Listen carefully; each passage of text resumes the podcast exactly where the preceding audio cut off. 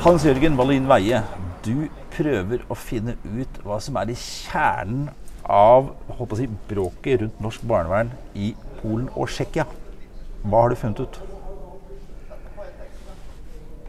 Det er, det er veldig forskjellig de forskjellige sentraleuropeiske landene. Mm. Men det er en sterk reaksjon på det norske byråkratiet og makten til det norske byråkratiet. Og man kan vel kanskje si at det, det skyldes en del en kommunistisk fortid.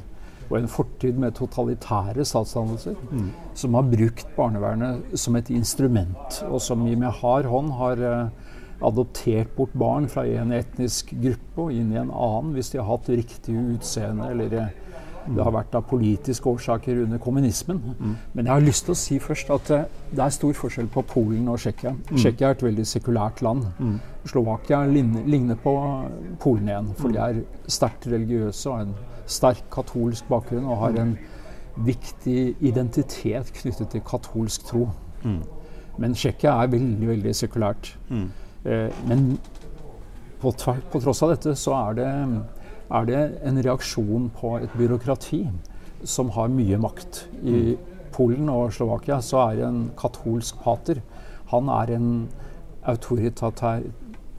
han er aut- autoritativ moralsk kilde til eh, et kompass, da, for å si det på den måten. Men det er han ikke i Tsjekkia. I Tsjekkia så vil ikke religiøse skikkelser ha samme, samme rollen. Eh, For å forberede meg til dette eh, samtalen, så tok jeg en samtale med Reidar Voigt i den katolske kirken i Lillehammer i går. Så vi satt og snakket sammen om barnevernssaker.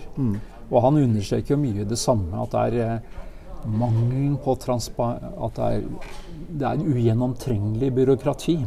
Det er på en måte det som uh, veldig mange polakker eh, reagerer på. Og når han snakk, trakk fram polakker, så var det jo fordi at det er veldig mange polske katolikker. Og volumet av de katolske katolikkene, nye katolikkene i Norge er jo, er jo polakker. Og Han uh, undersøker samtidig at det er ikke noe mer barnevernssaker der enn blant andre grupper. Men det er sånn som han så det, men, men det er mange polakker. Og det er en god del utfordringer mellom barnevernet og innvandrere som kommer fra Polen, og andre innvandrere som har katolsk bakgrunn. Det er veldig spennende det du sier om byråkrati. Eh, altså fordi det har vært mye altså Jeg kommer jo fra en filosofisk tradisjon og har eh, jobbet med mange tenkere, spesielt en tenker som heter Hanna Arendt, som var veldig opptatt av at byråkratier kan på mange måter bære i seg både svært autoritære og svært totalitære strukturer, og til og med være litt sånn ansiktsløst. Du vet ikke helt sikkert hvem det er, og at det i seg selv er litt, er litt skremmende. Det er det han peker på også. Han viser jo også til Hanne Arendt og ondskapens banalitet, for å Ja. bruke sånne begreper. Jeg vet jo at du har jobbet med Hanna Arendt, og det har jeg også gjort. Ja. Så jeg har vært veldig opptatt av det. Mye ut ifra at jeg har skrevet om jødisk historie, bl.a. Og derfor så har jeg vært opptatt av Arendt da, og Edith Stein i og for seg, som Ja. snakker om Einfühlungen og, og kommer inn på sånne begreper og utvikler empatibegrepet. Mm. For det, det jeg lurer på da, med en gang, jeg blir nysgjerrig, er jo at er byråkratiet egentlig er, det en problemstilling rundt byråkratiet selv om det også er norsk? Skjønner du hva jeg mener? Altså At byråkrati i seg selv Um, altså Du kan komme fra en tradisjon da, i Polen hvor du har en erfaring med virkelig det tidligere, det totalitære og ansiktsløse byråkratiet. Men er det også eh, et trekk ved byråkrati som sådan, som, som, de, som man i byråkratiet skal være klar over? Det tror jeg. Ja. Og vi skal ikke gå langt tilbake i historisk. Og siden jeg også er historiker, så tenker jeg jo også andre verdenskrig og jødearrestasjonen og sånt, hvor et helt norsk byråkrati eh, gjorde det som i ettertiden har dømt dem for å, for å være ondt. Og de blir stilt personlig til ansvar. Ja. Jeg så nå et intervju i avisen hvor det ble sagt at det er ingen enkeltpersoner i barnevernet som har gjort noe galt, men det er systemet som har gjort feil.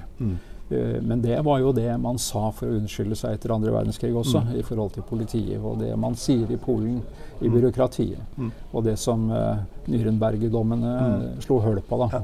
Fordi det, På mange måter så snakker jo Arendt om det, det overflødige mennesket. Altså av betydningen Hvis ikke jeg gjør det, er det noen andre som gjør det? Altså, ikke sant? Altså, den tanken er at jeg har egentlig ikke per personlig ansvar. Så det er noe i byråkratiet der på mange måter kanskje Vi skal ikke beskylde noe, men at det er noe trekk ved byråkratiet som gjør at man ikke opplever så mye personlig ansvar, og mer tenker at hvis ikke jeg gjør dette her, så er det noen andre som gjør dette her. Så det er egentlig ikke det er ikke så mye fra eller til jeg kan gjøre. Selv om jeg ikke gjør det. Ja, det er lange kjeder her Ja. sånn. Mm. Og uh, det inkluderer jo alt i forhold til jødeforfølgelsen. Alt fra, fra de som har Mm. sørget for at togene gikk i rute og Ja. alt mulig sånt nå også. Ja.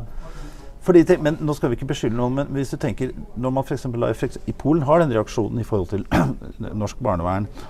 Eh, er den da eh, helt urettferdig sånn sett, eller kan du si at, eh, at det er noe i deres reaksjon som norsk barnevern måtte skal ta inn over seg eh, og reflektere over? Ja, det syns jeg bl.a. dette med offentlighet. Ja, At det er eh, veldig lite transparente prosesser. Er De er veldig lukket, og det gjøres i det godes tjeneste. Ja. Og dermed så legitimerer man på en måte ganske store inngrep i familier. Mm. Og innenfor eh, mange polske familier, så er, eller i Polen så, og i Norge i og for seg også, så er jo familien på en måte den, en, en, nærmest en ukrenkelig enhet. Ja. Det, er, det å gripe inn i familien er et veldig veldig stort inngrep. Mm. Fordi de på mange måter de, og nå, de som lytter, vi, vi blander ikke sammen, men det, er så- sånn når vi snakker om Arendt og det byråkratiske, så ligger liksom tanken om det, dette totalitære på lur. Og det det gjorde, var jo nettopp også i ganske sterk grad gripe inn i det innerste av intimsfæren din. ikke sant? Altså, ikke sant? eh, De gamle autoritære styresettene stoppa ofte ved, ved, ved døra, mens det totalitære går lenger inn.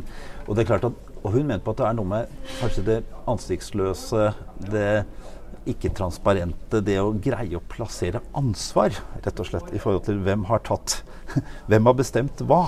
Eh, og jeg tenker at eh, om, om, om du Og det er det jeg er nysgjerrig på, om den reaksjonen Er det fordi de i utgangspunktet er misliker det byråkratiske fordi de har historie på det, eller er det fordi de ser noe som vi kan lære av? Jeg tror det er begge deler. Ja. Men eh, de får oss også til å forholde oss til vår egen fortid. Ja. eh, Hvor byråkratiet har eh, blitt stemplet som ondt i, i en periode da, under andre verdenskrig. Ja. Men de mener jo at den samme, samme ryggmargsrefleksen eksisterer i byråkratiet fremdeles. Eh, Så alt byråkrati, byråkratiet er hellig og uangripelig. Mm. Og det de bestemmer, er det ikke mulig å kritisere. Mm. Og de opplever at, eh, at eh, domstoler og sånn er systemlojale. Mm. Og Nav-skandalen er jo, Ja. for å bruke det begrepet, Ja. den får vann på mølla i forhold til den argumentasjonen. Mm. Og det, det er jo det store problemet innenfor demokrati og byråkrati. ikke sant? Eh, hvem bestemmer egentlig når det kommer til et stykke? ikke sant? Altså Er det de, er det de folkevalgte, eller er det de som iverksetter politikken? ikke sant? Og der har vi noe av det problemstillingen innenfor innenfor alt som har med representativt demokrati å gjøre. altså Dette, dette ansiktsløse som ligger der, som, som ingen har egentlig kontroll på. Men før vi bærer fullstendig eh, For jeg aner jo et visst sånn temperament, eller noe du brenner for her, som, som jeg er nysgjerrig på, også som forsker selv. altså, du, har jo, du er jo professor i sosialt arbeid ved Handelshøyskolen Innlandet, Lillehammer. Eh, men du har forsket på mye.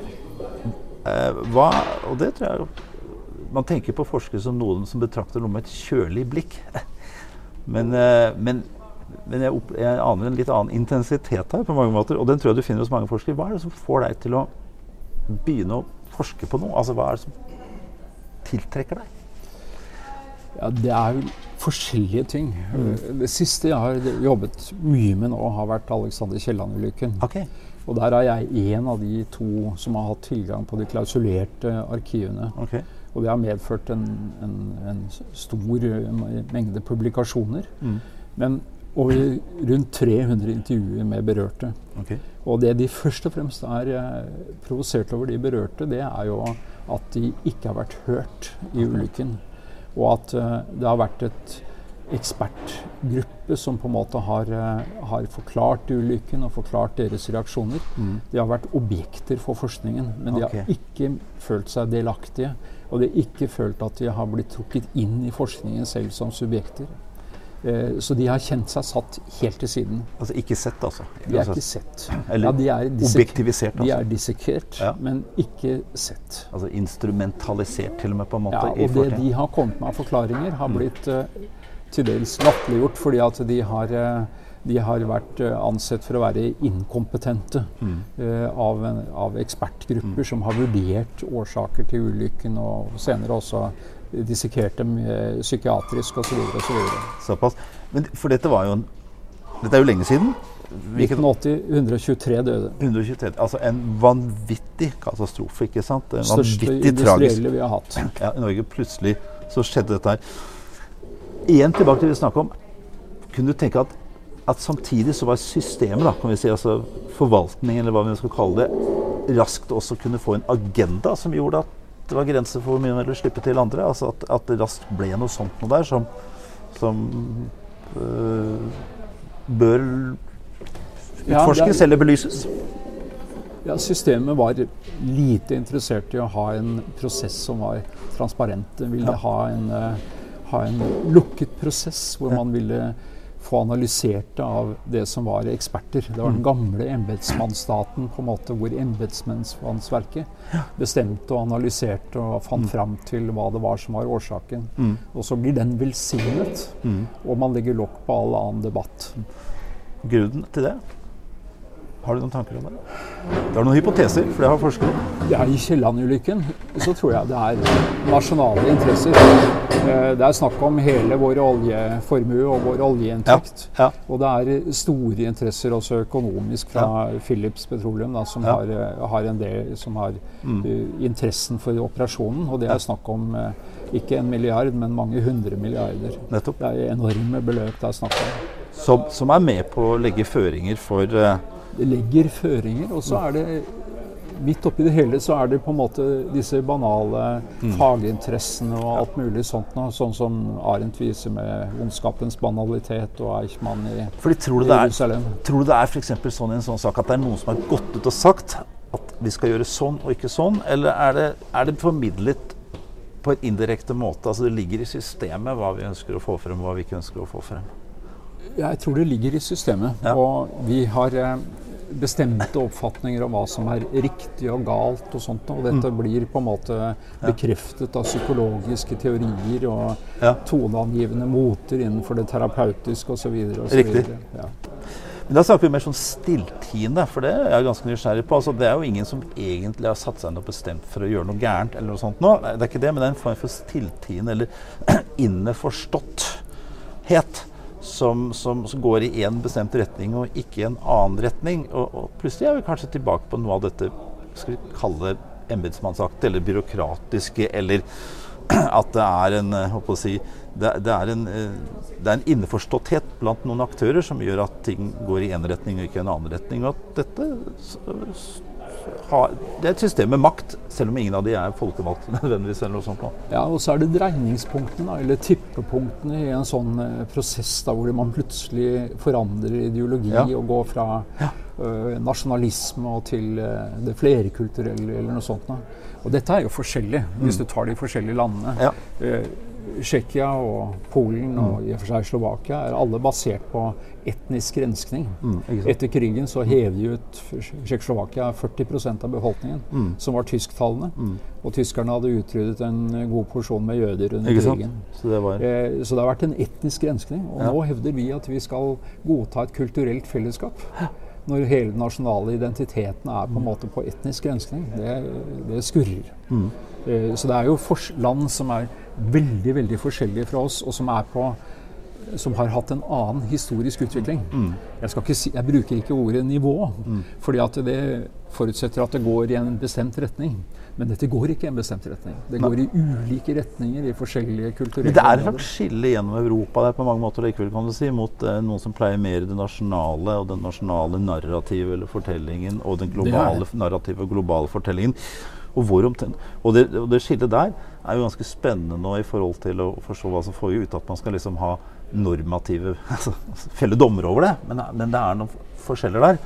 Og, vi, og det, der hvor du har vært, så kan du si at eh, der hvor du har det nasjonale, så står familien og det nasjonale, og kanskje til og med religionen, altså som ganske formende faktorer. Mm. Og igjen tilbake til barnevernet igjen, så kan kanskje i møte med et, med et, barnevern som kommer fra en, en, annen fortelling eller narrativ, som Norge er i dag, da, mm. så at, at, det er noen reaksjoner der mm. som går tilbake. Men, men jeg er liksom litt sånn nysgjerrig på for det, sånn litt, det virker jo som de tingene du går inn i, at det er en form for sånn, sånn altså Du har ikke bare liksom det kjølige forskerblikket. Det virker som det er en sånn underliggende, underliggende gnist her som går på å løfte frem noe fra det skjulte og ut i det åpne, i en eller annen forstand. Ja, på en måte er det det. Og jeg, jo, jeg syns at det er det. Ja. I februar så jobbet jeg på Newfoundland mm. i Canada. Mm for å se på en stor oljeulykke der som var i 82. Mm. Og den er veldig lik Alexander Kielland-ulykken. Mm. Ikke helt lik, men det er en plattform som taper stabilitet mm. og velter. Og det gjør Kielland også. Mm. Kielland kunne kanskje vært unngått hvis man hadde lukket dører og skott og sørget mm. for å stabilisere plattformen. Ja. Selv om den hadde mistet en legg, så kunne den ha holdt seg oppe. Mm. Og da hadde kanskje vi sluppet 123 dødsfall. Mm. Og Så kommer jeg til Canada og så finner jeg at uh, den kunnskapen er ikke overført til Canada. Om tap av stabilitet. For man har bare fokusert på at et ben brakk på plattformen. Man har ikke fokusert på tap av stabilitet. Og Det betyr at vi får 86 nye dødsfall. Og det er på en måte provoserende. Som også kunne vært unngått hvis man hadde overført den kunnskapen. Som kunne vært unngått hvis man hadde overført kunnskapen. Ja. Og det blir jeg provosert av. Ja. Uh, samtidig som jeg er i Canada, så sitter jeg og ser på arkiver mm. eh, fra spanskesyken i Canada. Ja. Og uh, i, på Labrador så døde 70 mm. 73 av mm. befolkningen i spanskesyken. I nordlige delen eh, pga. smitte som kommer inn, og fordi at man ikke visste hvordan man skulle beskytte seg mot det. Mm.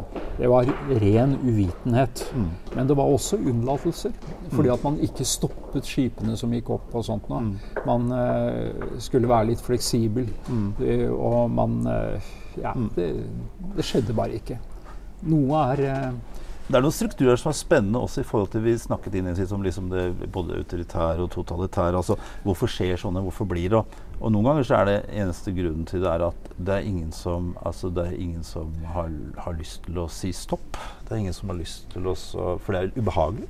ikke sant? Altså, veldig, veldig ubehagelig. Konformiteten er såpass sterk at, at man heller står og ser på at, uh, at, at, si, det går ille.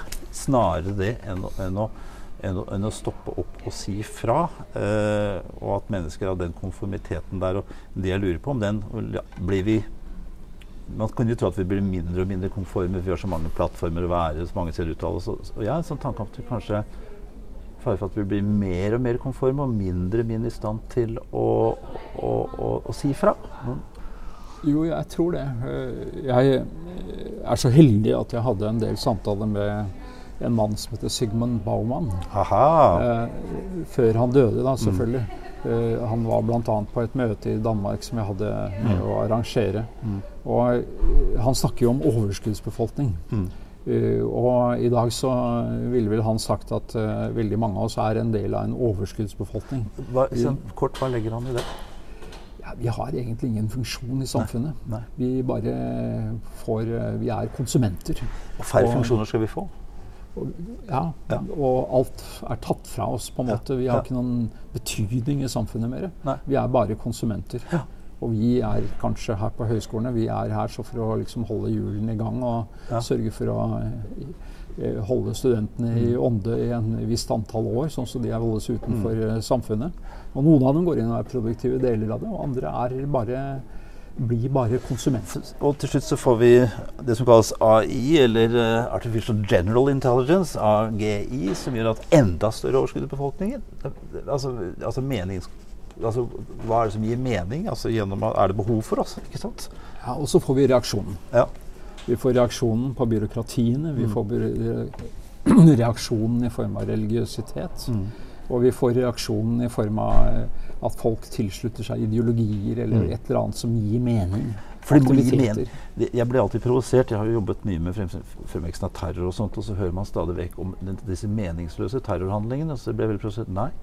Faren med terror er at det gir stor grad av mening for de som driver med det. Ekstremt meningspotent. Det er jo det som er farlig med terror. ikke? Det, det kaller på folk. Det er ufyselig, og det er forferdelig, men det er meningsfylt faktisk i sin forferdelighet for de som driver med det. Rett etter at vi hadde Utøya, så var jeg i Ungarn. Og jeg eh, var en, ble vist rundt av en guide som eh, skjønte at jeg kom fra Norge. Og hun eh, ytret seg om Anders Behring Breivik og syntes at han var en stor helt. Ja. Eh, og jeg var sammen med en gruppe ungarere. Og det som virkelig forskrekket meg, var ikke at jeg møtte én idiot, for sånn oppfattet jeg det til å begynne med, men det var det at veldig mange støttet henne. Det var, hun var, sto ikke alene. Hæ? Det var en hel gruppe Mm. som jeg sto overfor, som syntes at han hadde gjort noe riktig. Mm. Og det eh, fikk det til å gå kaldt nedover ryggen på meg. Mm. Det var meningsfylt, det han hadde gjort. Mm. Og det er det vi må huske på i forhold til Vi må nesten runde av med det, men, men det er klart at vi må, vi, vi må passe oss for å være med å skape en verden hvor sånne ting Hvor man må dit for å finne mening. ikke sant? Og da hvis du får en for stor overskuddsbefolkning, så kan vi få en, en sånn verden hvor, hvor det begynner å gi mening. Derfor så tror jeg, for å komme tilbake igjen til dette med barnevern, Ja. at eh, det er viktig at vi har prosesser og innsikt i hva byråkratiet gjør, og hvorfor de gjør det. Og vi skal begrunne det godt. Så er, selvfølgelig, så er det spørsmål om vi skal bruke familien som ressurs og sånt, og det har ikke vi hatt samme tradisjon som Det er en viss og så- tendens, er det ikke det? Begynnende. jo, jo, nå kommer det for fullt. Ja. Og det kommer i mye større grad etter hvert. Men en stund så var, var det på en måte ikke comme il faut å bruke familien. Nei. Vi skulle bruke noen utenfor. Og det mm, har ulemper. Så er det selvfølgelig dette her vanskelig i mange situasjoner. Vi har, når vi har sluttet å bruke familien, så er det fordi at man har opplevd at det har vært en belastning for familien. Ja, ja. Og noen ganger fordi at familier har vært, eller familiegrupper har vært oppfattet til å være, ha patologiske mønstre. Men da må vi begrunne om f.eks. Ja. reisende har en livsstil som samfunnet ønsker å ta et oppgjør med, Ja. og ønsker å endre. Da må vi ta, det opp, ta den debatten i det åpne. Jeg hadde, har også hatt møte før denne samtalen med, med Taternes Landsforbund. Ja. Og det er jo, de har en norsk gruppe, norsk etnisk gruppe, som har vært mye utsatt for barnevernet. ja, selvfølgelig. Og de opplever jo at uh, barnevernstiltakene kanskje er minst like omgripende nå som de var når uh, man hadde Svanviken og de store institusjonene som plasserte ut barn. Nettopp fordi at vi har Alt er digitalt. Alt er et tastetrykk Og det er jo det holdt på å si runda med det, men det digitale der, altså det økende grad av det ansiktsløse, det ansvarsløse, det tas det egentlig beslutninger, eller er det algoritmer snart? Som, så altså får vi algoritmer som styrer barnevernet til slutt også, hvor, hvor, hvor, det er mønstre som det er umulig å gripe inn i. på en måte, og jeg, Hvis det er utviklet, så skaper det både en slags hjelpeløshetsopplevelse, men en ganske kraftig motreaksjon som, går, som kan bli også politisk farlig, tenker jeg. altså. Det var en utrolig hyggelig samtale. Ja. Hans Jørgen Wallin Veie, professor i sosialt arbeid, Høgskolen Innlandet Lillehammer. Tusen takk for en hyggelig samtale. Takk skal du ha. Denne podkasten er produsert av Høgskolen i Innlandet ved Erlend Moe. Du hørte professor i filosofi Einar Øverenge i samtale med Hans Jørgen Wallin Veie, som er professor i sosialt arbeid.